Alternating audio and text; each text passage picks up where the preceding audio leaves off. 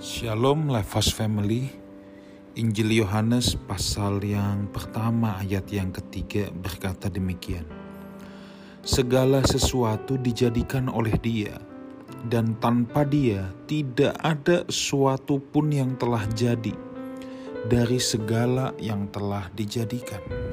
Dia di sini menunjuk kepada firman yang adalah pribadi Yesus. Alkitab berkata segala sesuatu dijadikan oleh dia.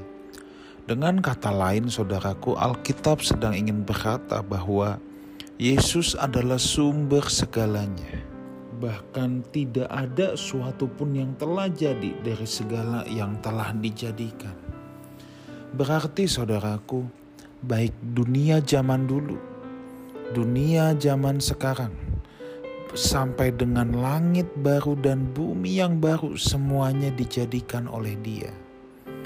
Yang saya ingin mengajak kita semua merenungkan akan hal ini adalah kalau semuanya dijadikan oleh firman Kristus, oleh Yesus sendiri, oleh firman, maka betapa bermasalahnya kalau kita hidup di luar dari firman Seringkali kita menganggap kalau kita tidak mempelajari firman, kalau kita tidak merenungkan firman, kalau kita tidak baca firman, sering kali banyak orang Kristen menganggap ah itu bukan persoalan serius, ah itu enggak apa-apa.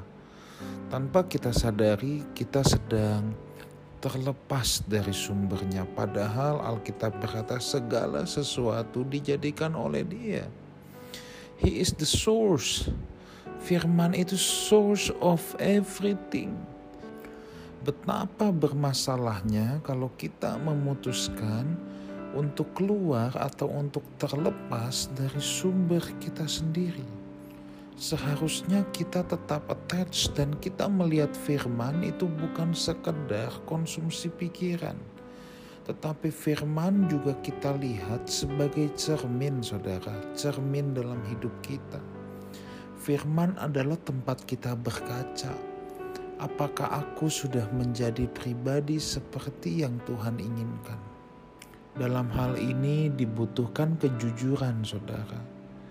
Diperlukan keterbukaan, dibutuhkan ketulusan untuk melihat keberadaan diri kita sendiri kalau orang sedang berkaca, saudara, lalu dia melihat ada kotoran yang menempel di wajahnya, maka ia harus segera mengambil tisu, mengelap, membersihkan kotoran yang ada.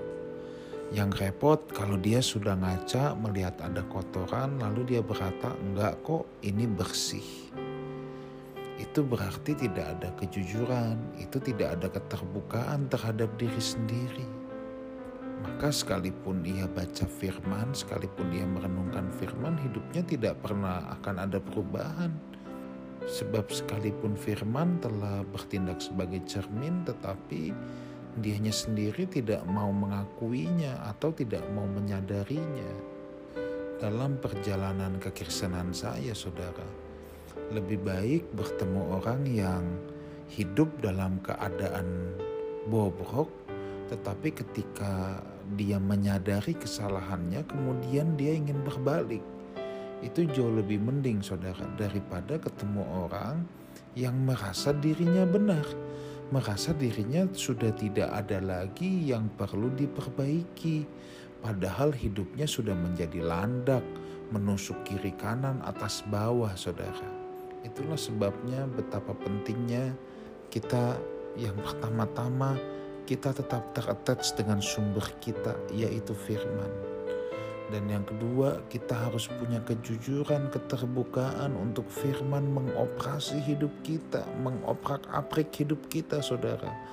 Baru kita bisa menjadi bejana yang indah di mata Tuhan. Tuhan memberkati kita semua. Haleluya.